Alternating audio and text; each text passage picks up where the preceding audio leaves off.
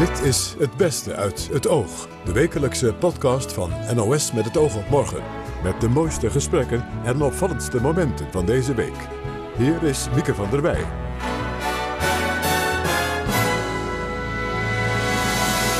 Welkom bij weer een nieuwe aflevering deze week.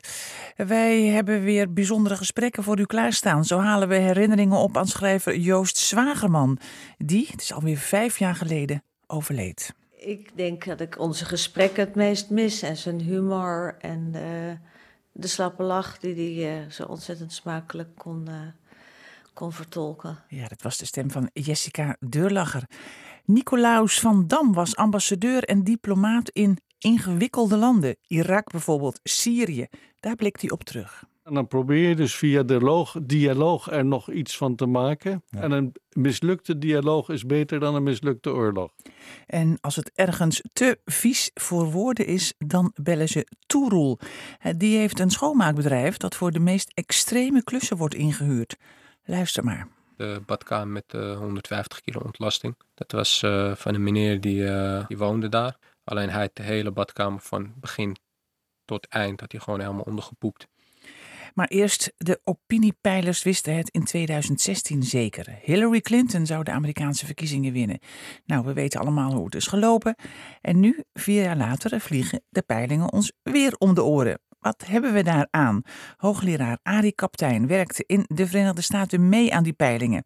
Hij vertelde mij hoe we de laatste peilingen op waarde moeten schatten. Die polls zijn uiteindelijk allemaal uh, momentopnamen. Dus Kijk, de vraag is meestal, als vandaag de verkiezingen waren, wat zou je dan stemmen? Maar de verkiezingen zijn niet vandaag, die zijn over een paar maanden. Mm -hmm. um, de diverse polls die zitten wel redelijk op één lijn. Wij hebben nu een verschil van 8% geloof ik. En er is natuurlijk een onzekerheid, dus of het 8% is of 10%. Maar ik, als ik nu kijk, de laatste paar dagen, lijkt het wel een verschil wat kleiner te worden. Maar ook daarvoor geldt dat je niet zeker weet wat je ervan uh, van vinden moet. Ja.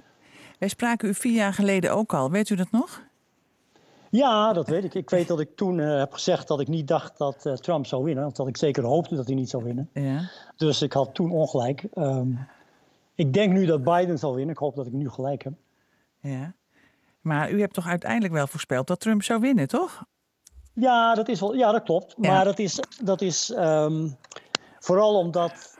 Kijk, Biden heeft, of uh, Trump heeft gewonnen dankzij het feit dat de landbouwstaten veel meer gewicht in de schaal leggen dan de grote staten. Want Amerika heeft een tweetraps systeem. Dus eerst gaan mensen stemmen in hun staat en dan de staat die vergt een aantal afgevaardigden af. En die afgevaardigden die stemmen dan weer. En de kleine staten die hebben ten opzichte van hun populatie veel meer afgevaardigden. Dus wat je krijgt is dat die landbouwstaten naar verhouding veel invloed hebben. En wij hadden veel mensen van die landbouwstaten in onze steekproef. Ja. Dus daarom noem ik het een beetje geluk bij een ongeluk. Want eigenlijk hadden we te veel van die mensen.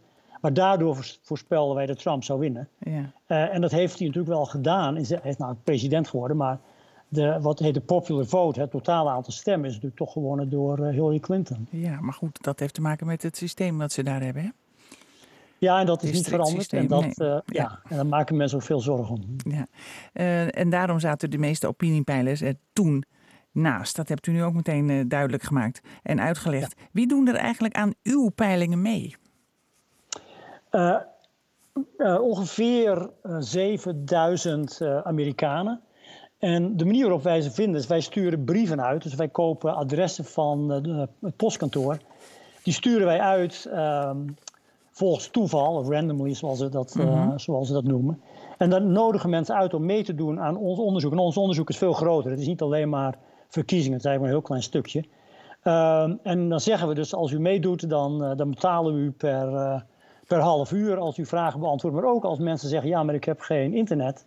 Dan geven ze, geven ze een computertablet en we betalen voor een internet. En, wat, en dat is belangrijk, ja. want wij hebben daarmee dus mensen in onze steekproef die anders zou missen. Want wat krijgen die mensen daar dan voor, als ik vragen mag? Wij, nou, ik denk dat wij de best betalende onderzoeksorganisatie zijn. We betalen ze 20 uh, dollar voor half uur. En we doen ook heel veel ander onderzoek. Dus sommige van die mensen is het ook al echt inkomen. En wij betalen ze één keer per maand. En soms dan zijn die betalingen een beetje laat om allerlei technische redenen. Dan staat de telefoon ook gelijk rood gloeiend van mensen die vragen waar hun geld is. Ja, wat do doet u nu iets anders dan vier jaar geleden? We doen meer. We doen wat we vier jaar. Nou, ten eerste hebben we dus wel beter gekeken naar onze steekproef. Dus ik denk dat de landbouwstaten nu wat minder gewicht hebben. Maar en we doen ook wat we vier jaar geleden hebben gedaan. Maar we doen nu ook een aantal andere dingen. Ehm, ten eerste is er een soort traditionele manier om te peilen. Dat doen we dus ook. Maar belangrijker is misschien wel wat we vier jaar geleden een paar keer hebben gedaan, maar niet, niet echt uh, in de publiciteit hebben gebracht. Is we vragen ook aan mensen: op wie stemmen uw vrienden of buren? Hm. En uh, we hebben vier jaar geleden gezien dat dat toch ietsje beter uh, voorspelde. En de reden is, denkt men dat mensen vaak toch een beetje schuw zijn om te zeggen dat ze op Trump zullen stemmen. En dan zullen ze tegen een interviewer zeggen: Nou ja, ik stem, ik stem op uh, Clinton of in dit geval op Biden. Maar mijn buren stemmen op Trump. En dat is dan een soort verborgen manier om aan te geven dat ze eigenlijk misschien toch wel op Trump zullen stemmen. Dus wij vragen dat ook.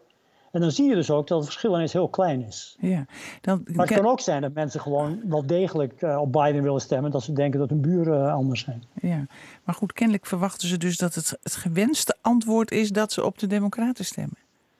Ja, dat is wel een beetje, en daar hebben wij minder last van, denken dan veel anderen. Want we, ja, we hebben die mensen al een aantal jaar in ons panel, dus hebben we een beetje vertrouwensband. Maar zeker als je denkt aan telefooninterviews, ligt dat erg voor de hand. Want uh, die callcenters die zitten op een bepaalde plek. Die mensen aan de telefoon hebben een stem die een beetje anders is dan wat mensen gewend zijn. Misschien ook wel een beetje met een stedelijk accent. Dus je krijgt dan uh, wat een heet sociale wenselijkheid, dat dan toch ja, laat ik maar zeggen wat ik denk dat de interviewer eigenlijk wel zou willen horen. Ja. En er is ook wel, hebben we ook wel wat, wat bewijs voor gezien dat dat zo is. Dus er is een risico dat mensen dus niet altijd zeggen ja. dat ze voor Trump willen stemmen, ook al zijn ze dat van plan. Ja, in Nederland noem je dat een gordijnbonus. Oh, dat is een mooie, mooie ja. term. dat als mensen één keer in het hokje staan, dat ze dan toch anders stemmen dan wat ze hebben aangekondigd bij, de, bij de opiniepeilingen. Maar ja, ik weet ja, niet of. heet een Bradley effect. Nou ja, oké. Okay. uh, uh, er is natuurlijk altijd veel kritiek hè, op die peilingen. Zijn niet betrouwbaar, ze leiden af van de inhoud. Ja, voor vier jaar geleden was het een behoorlijk fiasco. Kunnen we ze nog wel vertrouwen? Begrijpt u dat wantrouwen? Ja, ik begrijp het wel. Ik denk ook dat het een beetje overdreven is, omdat. Kijk, één wat, wat een goede peiling doet, is ook aangeven wat de onzekerheidsmarge is. En die is helemaal niet zo klein. En bijvoorbeeld 538, dat is een, een uh, inmiddels heel gerenommeerde organisatie die al die peilingen dan bij elkaar veegt en ze op een of andere manier combineert. En dat doen ze echt heel mooi. Die geven dus kansen dat de een wint of de ander wint. En als ik mij goed herinner, gaven ze Clinton een kans van 69% en uh, Trump dus 31%. Hmm. Nou ja, dat is goed, het is, kijk, Trump heeft gewonnen, maar het is nou niet zo dat 538 zei die kans is nul. En dat is wat mensen heel erg vergeten. Ze kijken naar die cijfers en vergeten dat er zit onzekerheid in. Dus je moet daar heel voorzichtig mee zijn. En wij zien nu ook dat het verschil tussen Biden en Trump begint toch weer een beetje die onzekerheidsmarge te naderen. Dat je toch, nou ja, Biden heeft meer kans, maar het is ook niet zo dat je nou echt kunt zeggen, oh, het is 95% zeker dat, uh, dat Biden wint of zo. Ja, en u verwacht dat dit keer die voorspellingen wel kloppen? Maken mensen zich ja, zorgen over vanwege dat stemmen per post bijvoorbeeld? Heeft dat nog een, speelt dat nog een rol? Ja, ik denk dat, dat, dat er, er zijn heel veel zorgen om. Vooral omdat het erop lijkt dat democraten veel waarschijnlijker zijn, dat het veel waarschijnlijker is dat democraten per post stemmen. En die poststemmen worden later geteld.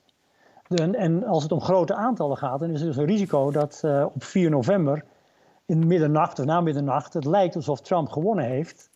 En dan een paar weken later, dan hebben ze ook al die andere stemmen geteld. En dan blijkt ineens dat Biden gewonnen heeft. Nou, dan wordt er chaos. Precies, en dat is de grote angst. Want in 2018 gebeurde dat ook met de stemming voor het Huis ja. van Afgevaardigden. Ja. Uh, toen zag je dus ook toch een flinke verschuiving. Trouwens ook in... Um, we hebben ook in 2012 hebben we dit ook gedaan. En toen zaten de oors heel erg dichtbij, kan ik nog even tevreden opmerken. en, um, maar toen zag je ook dat dus het verschil tussen Obama en Romney nog behoorlijk opliep. Er kwam nog wel een miljoen of anderhalf bij het verschil. Hm. Dus we weten eigenlijk wel dat we kunnen verwachten dat als de tijd voortgaat, dat het in de richting van de Democraten gaat. Maar ja, als natuurlijk op 4 november het lijkt alsof Trump gewonnen heeft, dan wordt het, ja, dan wordt het inderdaad een ramp iets heel anders. Sommige mensen maken er bewust of onbewust zo'n bende van thuis dat een emmertje sop eigenlijk niet meer helpt. Dan wordt de hulp ingeschakeld van Turul Chirakolu. Er is een uh, docuserie over zijn werk gemaakt. Hij noemt zichzelf een trauma-schoonmaker. En dit is waarom kom dus langs nadat er een traumatische gebeurtenis heeft plaatsgevonden. Dus vandaar de, de term trauma-reiniger of trauma-schoonmaker. Ja, het zit helemaal in dat woord ook. hè, En het is te zien in die documentaire. Laten we een heel klein stukje even van horen. Als u langskomt in een huis waar een heroïneverslaafde is overleden. Dit is de keuken. Er zitten overal dode maden en vliegen en zo. Ja, dit is het, eh, het toilet. Het ziet er niet altijd best uit zoals je ziet. Hier zie je wat bebloede lakens.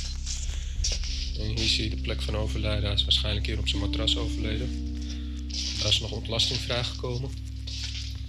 En hier zie je ja, waar hij met zijn hoofd heeft gelegen. Dus het is geen eh, fijn gezicht. Nee, het zijn allemaal beelden eigenlijk hè, die niet zo heel fijn zijn om naar te kijken Nee. in, die, in die serie. Ja. Ik, ik hoorde u daarin in die eerste aflevering ergens zeggen... je moet er ballen voor hebben. Maar ik dacht eigenlijk meer, je moet een hele sterke maag ervoor hebben. Beide. ja. ja, beide. ja, ik denk dat heel veel mensen alleen al door ernaar te kijken... dat die eh, ja, bijna onpasselijk worden. Eh, Ja, ik denk omdat ik het als een tijd doe en ik al zoveel heb gezien, eh, eh, doen de beelden me niet zo heel veel meer. Maar als ik dan eh, af en toe de reacties van mensen zie, als ze de beelden voor het eerst zien en hoe erg ze ervan schrikken en echt af en toe gewoon moeten weglopen, dan denk ik wel van ja, het is toch wat heftiger dan ik soms denk. Wat is het ergste dat u ooit heeft meegemaakt? Poeh, ja, dat zijn, dat zijn heel veel cases geweest. Maar ik denk eentje die me altijd wel bij zal blijven is de badkamer met de 150 kilo ontlasting. Dat was eh, van een meneer die, eh, die woonde daar. Die, die sliep daar, die kookte daar, die deed alles gewoon. Het was gewoon zijn normale woning. Alleen hij had de hele badkamer van begin tot eind had hij gewoon helemaal ondergepoept. Op een gegeven moment kon dat niet meer, ging hij ook op de gang poepen en eh, uiteindelijk trok er iemand wel aan de bel. En toen is onze hulp ingeschakeld, maar ik, ja, dat was zo bizar, dat zal ik nooit meer vergeten. Want hij sprak ook met ons terwijl wij daar aan het werk waren, alsof gewoon niks aan de hand was. Hij zat een paar meter verderop, zat hij zijn Sudoku-puzzel eh, uit te vogelen, terwijl wij daar eh, ja, zijn werk zaten op te nemen. Ja. totaal in de war. T- Totaal normaal voor hem en eh, hij negeerde het compleet en als, alsof het gewoon niet bestond. Hoe, hoe bent u daarin terechtgekomen in dit soort werk? Ik ben begonnen met schoonmaken de huisfeesten. Dus iets heel anders. Dat heb ik ongeveer twee jaar gedaan. Huisfeesten. Ja, huisfeest in combinatie met een eh, vers ontbijt. dat is iets heel anders. ja, maar studenten die er een rotzoutje van maken. Studenten, maar ook, ook niet-studenten. Kan bij, bij van iedereen. Ehm, dat waren ook wel heftige, heftige opdrachten. Eh, maar heel vaak zat ik dingen op te ruimen dat ik bij mezelf dacht van... "Hmm, is dit bloed? Is dit iets anders? Maar ik kon het nooit echt hard maken. Hm. Op een gegeven moment was ik in de zomer van 2016 eh, bezig. En toen kwam er een jongen uit de kelder naar boven lopen. En zijn oogbal die hing zo uit zijn oogkas. En hij was van zijn ene kant van zijn gezicht tot zijn andere kant helemaal opengesneden. Hij zat helemaal onder verwondering, verwondingen bij zijn handen, bij zijn borst, bij zijn armen en zo. En er zat een gigantisch gat in het raam van de keuken. Dus toen vroeg ik hem wat is er gebeurd. Nou, ik wist natuurlijk al, hij is door het keukenraam gevlogen. En hij zei van ja, ik ben door het keukenraam gevlogen. Toen wist ik dat ik geen ketchup zat op te ruimen, maar zijn bloed. En toen dacht ik bij mezelf van ja, dit flikken ze me elke keer, maar ik kan het nooit hard maken. En nu heb ik eindelijk bewijs dat ze me gewoon bloed zitten op te laten ruimen, Ja. terwijl ze er niks van zeggen. En het is gevaarlijk. Menselijk bloed is gewoon gevaarlijk. Dus toen dacht ik van, ik ben er helemaal klaar mee. Ik ben helemaal klaar met die studentenhuizen en al deze eh, gekkigheid. En toen ben ik me echt gaan verdiepen in de wereld van bloed schoonmaken en alles wat erbij komt Ja, kijken. toen bent u het professioneel gaan aanpakken. Ja, want dat toen- zie je ook in die, in die beelden, want u bent helemaal beschermd ook. Hè? Ja, Het is vaak ook heel gevaarlijk, Ja, blijkbaar wat u doet. Ja. Ja, bloed is gewoon gevaarlijk. Ja, maar ook andere stoffen blijkbaar waar u mee in Ja, ook andere dingen. Maar ook nu zitten we in de tijd van, van corona. Daar hebben we mee te maken. Maar we krijgen ook, ja, dat is wel heel zelden. Maar we krijgen ook soms aanvragen ebola gerelateerd en dat soort dingen. Dus het gaat soms echt heel ver. Hm. Ehm, en veilig werk is gewoon belangrijk, ja, zeker. Zeg, nu u schetste net, ja, dan, eh, bijvoorbeeld eh, die man die alles maar onderpoept, hè, die, die, die was er nog. Maar soms zijn het ook mensen die ja, eh, lang in hun eigen woning dood hebben gelegen. Hè? Ja. Die zijn dan al weg. en daarna zien- wordt u ingeschakeld Ja, om de woning het, schoon eh, te maken. Ja, wij zien het eh, lichaam zien wij zelf nooit. Het, het, het stoffelijk overschot, eh, dat zien wij nooit. Wij zien wel de restanten ervan. Hm. Haren, ehm, dat soort dingen. Maar het kan ook wel eens voorkomen dat iemand vijf, zes, soms twaalf maanden ergens ligt. Dat maken we ook met regelmaat mee. En dan kan het zo zijn dat van het lichaam is er eigenlijk heel weinig meer over om eh, mee te nemen voor de uitvaartondernemer. Want zo'n lichaam dat gaat ontbinden. En ja, het klinkt heel na, maar het wordt echt een hoopje soep. Hm. ja, dan ben je wel echt de restant van het lichaam aan het opruimen. Want het lichaam ligt gewoon op de vloer dan. Ja. Zeg, in die beelden is te zien dat u daar ook heel, ja, ik zou bijna zeggen, eh, liefdevol mee omgaat. Hè? Want u, u staat op een gegeven moment met, met kaartjes in de hand van ja, iemand die totaal vereenzaamd blijkbaar is geweest in dat huis dat u dan opruimt. En die, die, die kaartjes heeft die man al die jaren bewaard van een nicht. Hè? Ja. Dus op, voor- het is voor u meer blijkbaar dan alleen maar de boelen even goed schoonmaken. Ja, ik wil niet in een, eh, in een schoonmaakrobot veranderen. Dat eh, elke klus gewoon een nummer is en ik ga hup naar de, door naar de volgende. Eh, want ik denk dat je dan op een gegeven moment helemaal geen gevoel meer hebt voor het werk en voor wat je doet. En ja, dat wil ik zien te voorkomen. Ik wil wel gewoon iedere klant en, en ieder, ieder overlijden wil ik met respect behandelen. Ook al was de persoon een verslaafde, ook al was hij dit of dat, dat maakt mij niet uit. Op dat moment is het gewoon een mens dat is overleden. Ja. En ieder mens verdient respect, vind ik. Iedere overlijden verdient respect. Ja. Want als er geen respect meer is voor het overlijden, ja, waar is er dan nog wel respect voor? Ja, maar ik stond er best wel van te kijken, want dat zit ook in die eerste aflevering, dat u daar filmpjes van maakt en dat u dat op internet zet, hè, op YouTube. Ja, dat is inderdaad eh, iets wat ik veel doe en eh, waar we ook heel veel kijkers, eh, dat zit echt in de miljoenen, de kijkers. Maar denkt u dat al die mensen daar net zo liefdevol en respectvol... Nou, Naar kijken, er zitten wel figuren tussen die, die er wat minder respectvol naar kijken, inderdaad. Maar het merendeel van de mensen kijkt er zeker met respect naar. En ik deel die beelden voornamelijk om mensen er bewust van te maken wat er achter gesloten deuren gebeurt. En ik krijg ook met regelmaat berichten van, hey, ik heb een tijdje niks van mijn buurman gehoord en ik ben toch bij hem gaan aankloppen vanwege deze beelden. Hmm. Want ik zie inderdaad wat er kan gebeuren als we niet op elkaar letten. Dus ik denk dat de beelden zeker wel de, het gewenste resultaat hebben wat ik, eh, Ja. wat ik Dus voor een deel kijken daar mensen naar, want dat blijkt ook hè, uit wat ze daaronder dan zetten in, commentaar dingetjes, dat u denkt van ja, wat, wat zijn dit voor mafketels die, ja, eh, die dit zien. Maar dat roept dat ook op natuurlijk, als je dit soort beelden laat zien. Eh, inderdaad, maar ik, ik denk, zeg maar, de internetgekkies, als ik zo Hmm. mag noemen, dat, dat, dat is minder dan 1%, Nee. 1% denk ik. Dat zijn er echt heel weinig. Het merendeel zijn echt mensen die wakker geschud worden door de beelden. En we brengen het ook altijd heel respectvol. Maak geen sensatie eh, Nee. eh, video's. Er is dus een eh, serie gemaakt over Toeroel en die heet Niet Normaal Vies. Is eh, terug te kijken via uitzending Gemist. Deze week was vijf jaar geleden dat schrijver, dichter, kunstkenner en essayist Joost Zwagerman uit het leven stapte. We halen herinneringen aan hem op met schrijver Jessica Durlacher. Ze was goed bevriend met hem en ze vertelt wat ze het meeste aan hem mist. Ik denk dat ik onze gesprekken het meest mis. En zijn humor en eh, de slappe lach die hij eh, zo ontzettend smakelijk kon, eh, kon vertolken. Dus dat soort dingen mis ik het meest. Gaan die gesprekken Echt waar. door in je hoofd? Soms hoor ik hem wel, ja. Als Hm. ik iets eh, doe of meemaak, ja. Ik hoor hem nog steeds wel. Ja. Het, Ja. Het, het kwam, ik kan me een uitzending van De Wereld Draait Door herinneren... waarin hij voor het eerst openlijk over zijn psychische problemen sprak. Zijn depressies, die uiteindelijk tot die zelfmoord geleid hebben. Tot grote verbazing van Matthijs van Nieuwkerk.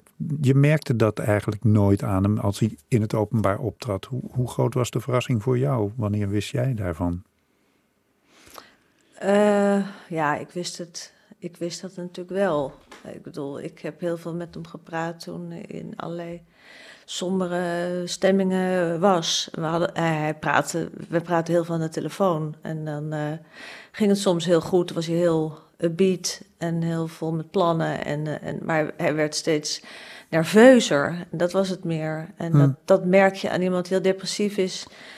Merk je natuurlijk toch niet ja, iemand, als iemand erover vertelt, dan hoor je hem razen over dingen die je niet zo belangrijk lijken als Ja. buitenstaander of als ander.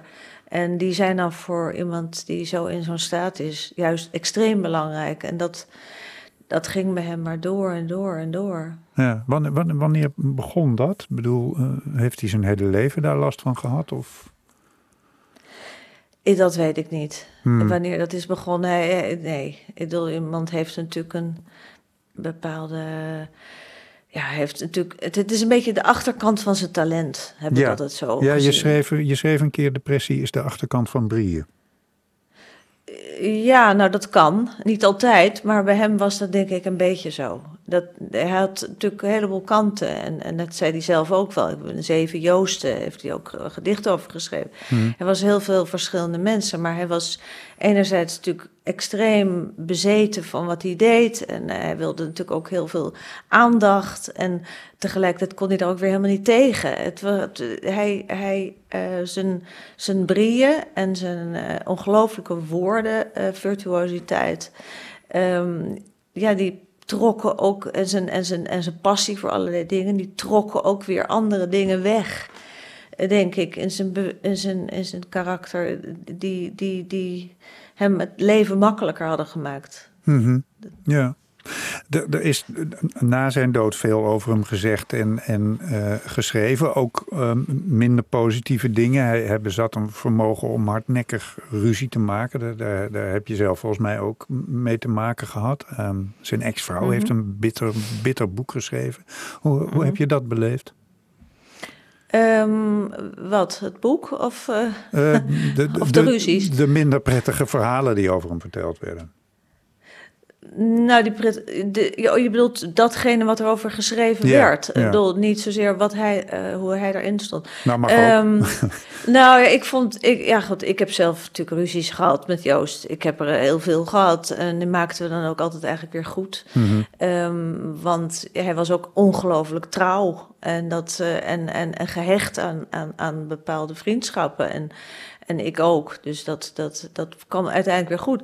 Ehm, maar ja, ik, ik, ik, en ik, mijn hart eh, doet pijn als ik eh, negatieve verhalen over hem lees. Maar Hmm. tegelijkertijd, ik, ja, ik snap dingen, ik snap het wel. Ik snap, ik snap wat mensen schrijven als ze het moeilijk hebben gehad met hem. Maar eh, ik heb het zelf nooit zo op die Nee. manier ervaren. Nee, Ik zou ook nooit zo over hem schrijven. nee. Nooit.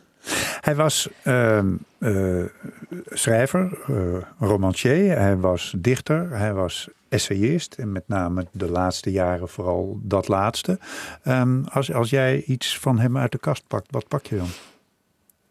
Ehm, vreemd genoeg, terwijl ik helemaal geen echte gedichtenlezer ben, pak ik van Joost altijd toch wel zijn gedichten. En, zijn essays in tweede instantie ook. Maar zijn gedichten zijn op een of andere manier zo ehm, geïnspireerd en eh, zo zonder. ehm, er zit geen. Er zit, geen, er zit ook theater in, maar niet zoveel als in zijn eh, proza en in zijn essayistiek. Hij, hij, hij is veel directer zijn, zijn eigen gekte of zijn Hmm. eigen brieën. Hm? Hij is zo'n wo- woordmens, dat, dat zie je in die gedichten zo goed terug, dat ik daar eigenlijk meer mee heb dan met eh, de andere dingen die hij heeft geschreven. Ja, Hij is er echter in, zeg maar. Vindt voor mij hoor. Dat eh, zeg ik er meteen bij. Maar ik, ik vind hem daarin een soort. Er zit een soort directheid in en een soort. ehm, ja, hij. Ja, hij. hij ehm, je ziet dat hij. Iets, dat, iets dat hij bijna wordt overgenomen door iets in zichzelf wat hij niet eenmaal onder controle had. Mhm. En dat vind ik er eigenlijk heel mooi aan. ja. We, we hebben je eh, gevraagd om een gedicht van Joost Zwageman uit te kiezen om, eh, om voor te lezen. Zou je dat eh, nu willen doen?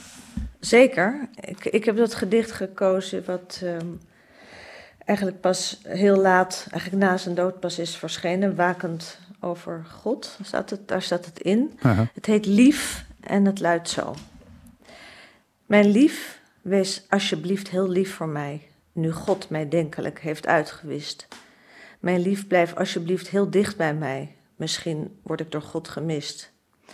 Mijn lief, vertrouw ook nu op mij, ik ben niet weg, God ademt mij. Mijn lief, wees alsjeblieft heel lief voor mij, misschien heeft God zich in mijn dood vergist. Gedicht van Joost Zwageman, voorgelezen door schrijver Jessica Deurlacher. Het boek van Nicolaus van Dam heet Granaten en Minaretten. Nicolaus van Dam was ambassadeur in Irak, in Egypte, in Duitsland en in Indonesië. En na zijn pensioen speciaal gezant voor Syrië. Een zware diplomatieke carrière dus. Daar zijn heel wat vaardigheden voor nodig. Nou, je moet met uh, mensen goed kunnen omgaan. Je moet natuurlijk het standpunt van een regering goed kunnen verkondigen. Maar je moet ook omgekeerd, de, want je werkt eigenlijk voor een minister en voor een regering, moet je omgekeerd die regering en die minister ook goede, van goede adviezen voorzien. Dat gaat niet altijd, want de ene minister wil alleen maar dat je doet wat hij zegt. En een andere minister stelt het juist op prijs dat je ook met, met wat andere ideeën komt. Dus bijvoorbeeld als een minister naar de Tweede Kamer gaat voor discussies. Uh, als je van tevoren een soort proefdiscussie, debat hebt, is het natuurlijk voor een minister handiger als die wat tegengas krijgt dan dat iemand met hem meepraat. Ja, en daar zorgt u wel voor, voor de tegengas. Daar heb daar ik was u wel goed voor in. gezorgd. Ja, zeker. Ja, ja. Eh, Waar heeft u het meest eh, eh, die eh, bekwaamheden te gelden kunnen maken? Op welke posten? Waar, waar, s- wat schiet u het meest voor ogen dan? Ehm, ik denk in Indonesië bijvoorbeeld. Eh, ook in eh, Irak. Ik denk ook in eh, Libanon. Dat waren toch wel Hmm. belangrijke posten waar ik soms ook wel over de schreef ging. Want ik heb dus soms wel eens meningen verkondigd die beslist niet de meningen, die de mening verkochten, verkondigden van de minister. Of En waarom de, deed u dat dan? Ehm, uit een soort, noem het een spontaniteit, een soort geweten. En ook dat ik niet altijd verwachtte dat daar zo eh, negatief op zou worden gereageerd. Dus bijvoorbeeld in Irak werden sancties ingesteld. En ik voorzag dat die honderdduizenden doden zou kosten, zouden kosten. En daar zei ik wat over in een interview. Daar werd ik natuurlijk op de, voor op de vingers getikt. Eh, in Indonesië vond ik dat je, als je daar oorlogsmisdaden waren begaan door Nederlanders, hele grove, alle oorlogsmisdaden zijn overigens grof. Hmm. Eh, dat werd, eh, en dat ik daarvoor vond dat je excuses moest aanbieden. Dan vloog het porselein soms tegen de muur. Het heeft heel lang geduurd hè, voordat je uiteindelijk Dat heeft zijn. heel lang geduurd. En eh, dat heeft, de koning heeft in maart, afgelopen maart dat eigenlijk pas gedaan. En eerst werd het afgedwongen omdat, eh, bepaald, omdat eh, mevrouw Zegveld die had een, een, een zaak aangespannen. En Hmm. toen moesten ze wel betalen. En toen, ja, toen kun je dan net zo goed excuses aanbieden. Dus dat soort dingen. Ja. Dat boek van u, dat zit, u noemt ze geen memoires, hè? Ik noem het eigenlijk... Want er zitten ook analyses in. Geen autobiografie, Nee. maar een, een combinatie van memoires en eh, analyses. Ik analyseer wat er zo gebeurd is. Ja, maar het, boek is wel doorspekt met anekdotes. Hè, die duidelijk maken bijvoorbeeld dat dat ambassadeursleven helemaal niet dat luxe leventje is dat veel mensen denken. Het, het is doorspekt met kogelgaten en granaatscherven in boeken, gordijnen, in huizen waar u heeft gewoond. Maar wat ik heel opvallend eigenlijk vond, is dat dat idee van het luxe leventje voor een deel ook nog wel op het ministerie van Buitenlandse Zaken zelf leeft. Dat ze dat in het, in het ministerie vinden. Ja, ja.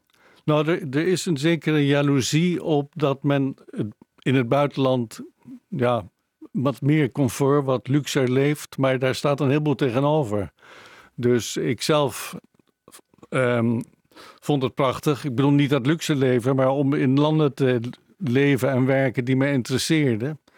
En bij een bepaalde functie hoort nu ook een zekere luxe, of je dat nou leuk vindt of niet. Maar blijkbaar ook gevaar, blijkt uit dat boek. je loopt Op zeker heel veel gevaar. En momenten in uw loopbaan. Soms denken mensen wel eens dat een diplomaat eigenlijk niet gevaar loopt omdat hij zo'n diplomatieke status heeft. Maar het is soms ook het omgekeerde. Dat je bijvoorbeeld mensen die een hekel hebben aan je land. Of dat er politici zijn in je, in je land die, die zorgen voor gevaar. Bijvoorbeeld, eh, ik noem de film Fitna van Wilders. Daar was dus, eh, die heeft heel wat gevaar gegenereerd voor Nederlanders in het buitenland.